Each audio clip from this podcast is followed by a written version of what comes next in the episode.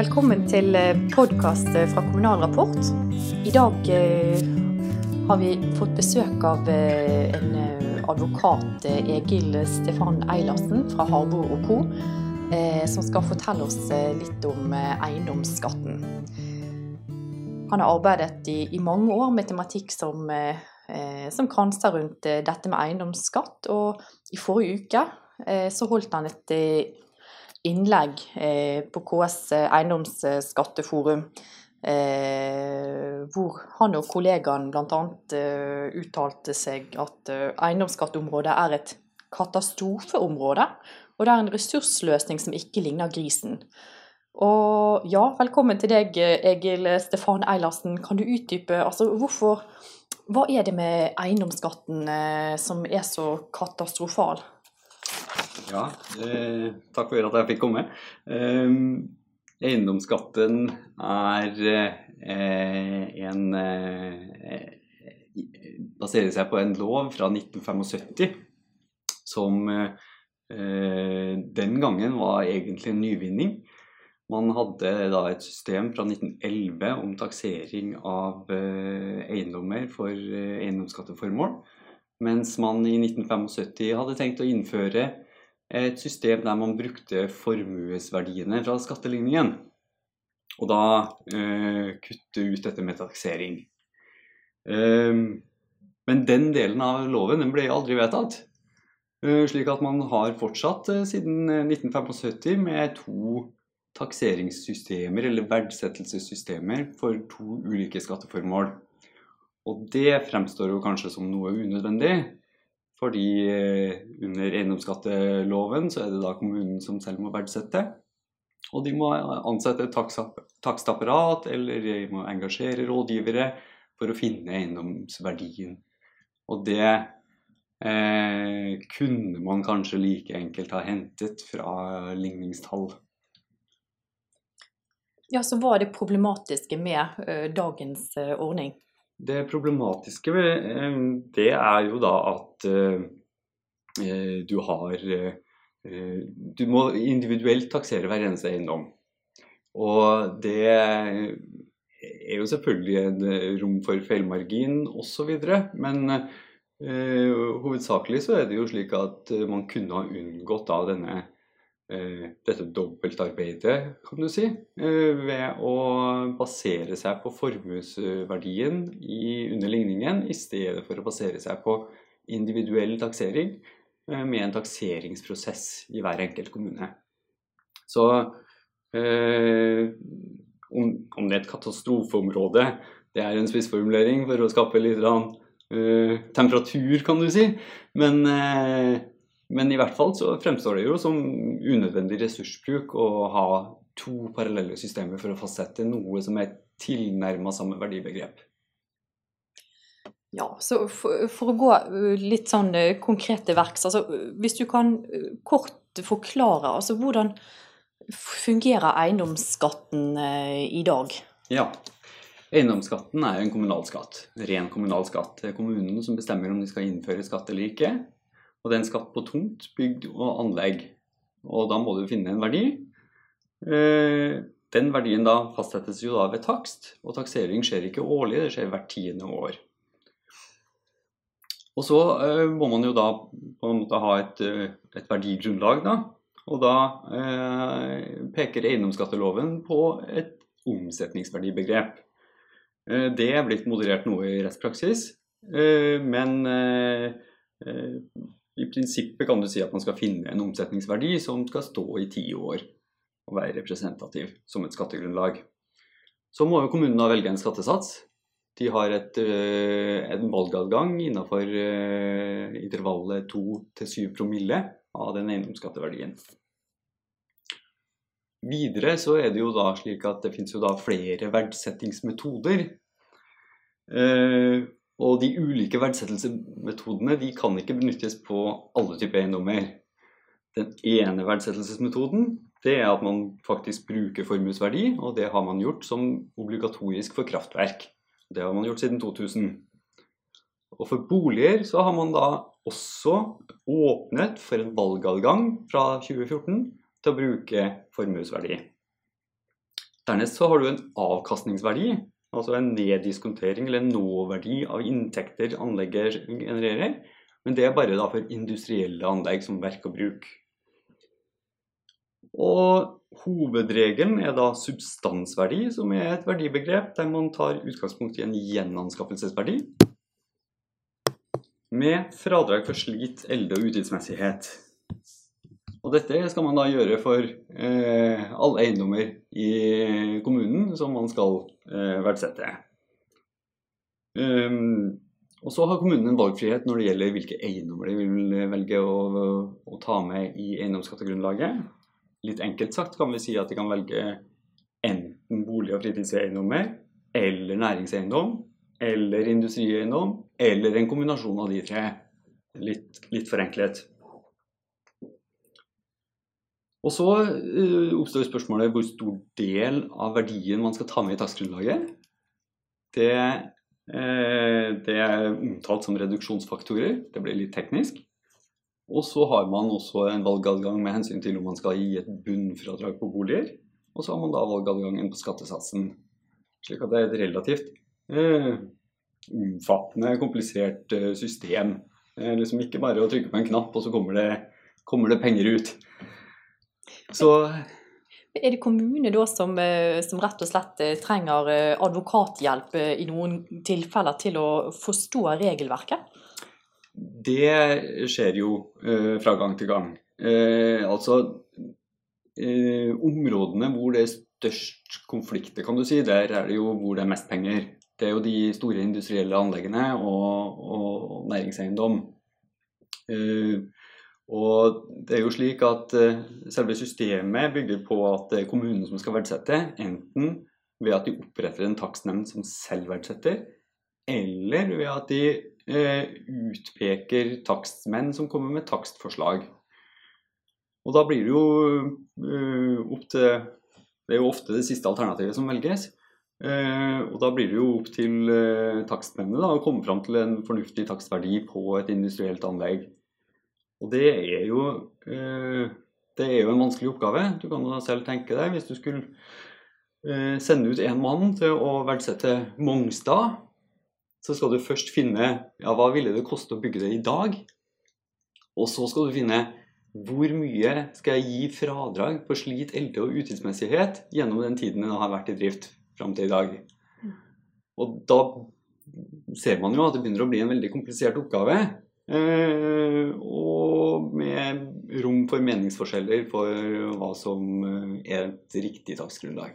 Så er det mange gråsoner eh, her, da, rett og slett, i forhold til eh, hvordan man kan verdsette Det fins vel fortsatt gråsoner, eh, men det er Man kan skille mellom litt forskjellige temaer, da. Det ene er jo det strengt juridiske. Altså hvilke eiendommer kan skattlegges, hvilke eiendeler kan du ta med i et industrielt anlegg. Og ikke minst da øh, hvordan du fastsetter gjenanskaffelsesverdi og, og, slike ting. Men så kommer du jo kanskje på et eller annet sted til et punkt der du sitter med f.eks. to like fullgode alternativer til en verdsetting. Og da må det jo brukes skjønn. Og skjønn er vanskeligere å overprøve enn eh, det som er de rene juridiske problemstillingene. Mm. Så ja, det er en del eh, utfordringer. Eh, du kan si at eh, den skjønnsmessige vurderingen kan man for så vidt klage over. Eh, man kan også prøve den for retten, men det er begrensa adgang for retten til å sette til side noe som er et skjønn, hvis det da ikke er vilkårlig eller urimelig. Så det er, eh, det er mange temaer innenfor dette området. Det er det. Ja, for jeg tenker En kommune vil vel være mest interessert i å få mest mulig inntekt på, på, på de eiendommene som, eh, som, man har. og eh, Det at det er åpent for, for skjønn kan vel skape eh, litt konflikter da i forhold til Det kan du kanskje si. Eh, men det spørsmålet er om det da er et juridisk problem, eller om det er et eh, verdsettelsesproblem. Fordi hvis du skal komme fram til eiendomsverdien, da, mm. en, så, så, I hvert fall så ser man for seg at det er en slags objektiv størrelse. Mm. Men alle som driver med verdsettelse, vet jo at eh, eh, det finnes jo ikke noe sånt som et eh, matematisk regnestykke som kommer fram til en objektiv størrelse som er eh, den riktige verdi.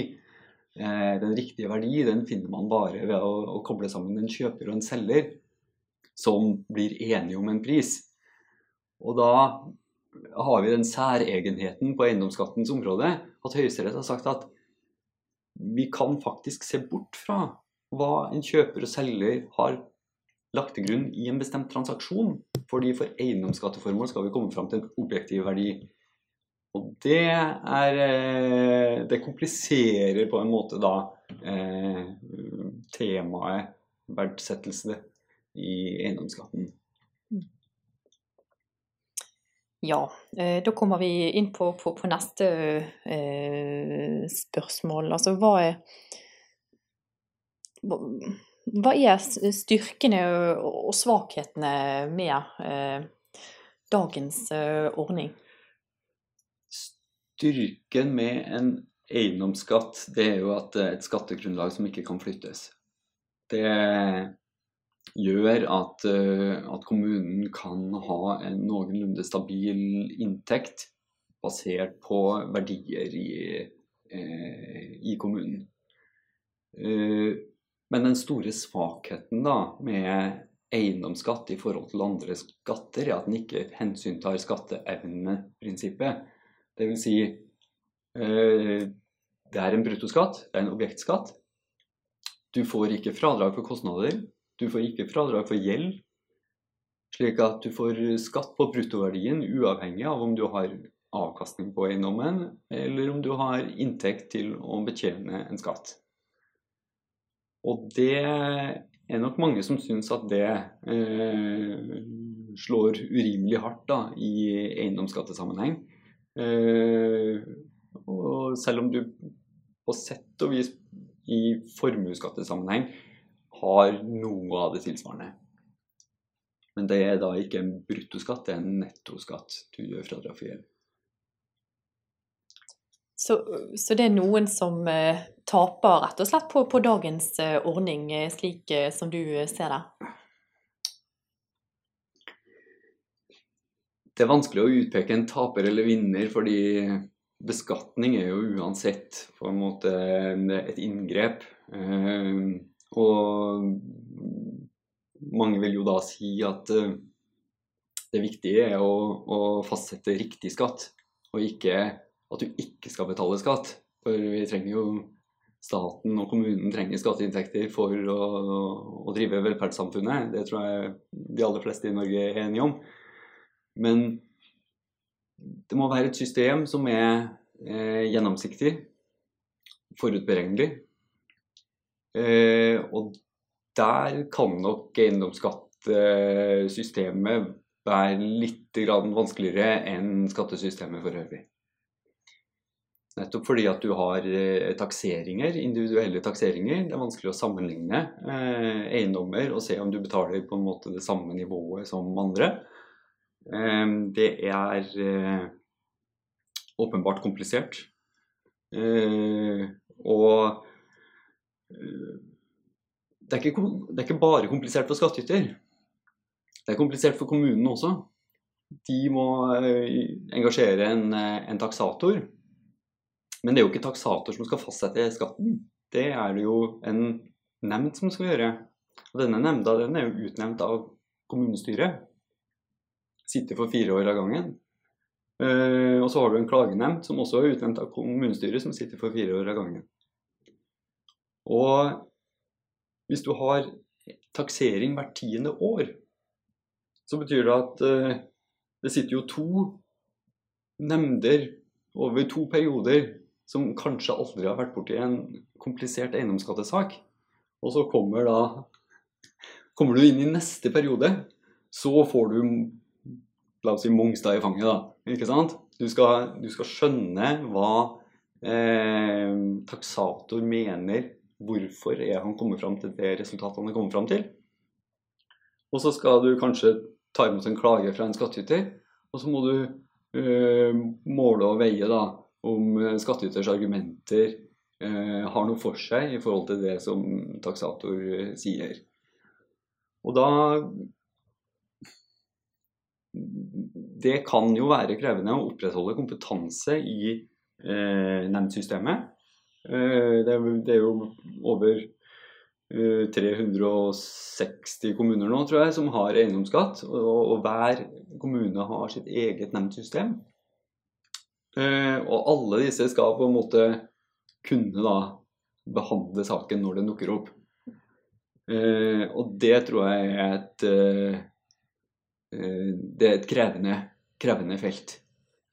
Så det du sier, er at, at mange kommuner kanskje mangler den kunnskapen som, som skal til for å inndrive korrekte skatter? Ja, du kan kanskje si det på den måten, men jeg vil jo ikke dra alle over en kam her. Altså, det er jo Det finnes store kommuner, det finnes små kommuner. Det finnes kommuner som jobber bra, og det finnes kommuner som jobber dårlig med det. Men det er vanskelig å jobbe bra med det hvis man får opp problemstillingen én gang hvert tiende år. Og det eh, kunne man jo avhjulpet hvis man hadde hatt et nemndsystem som var løftet fra kommunenivået.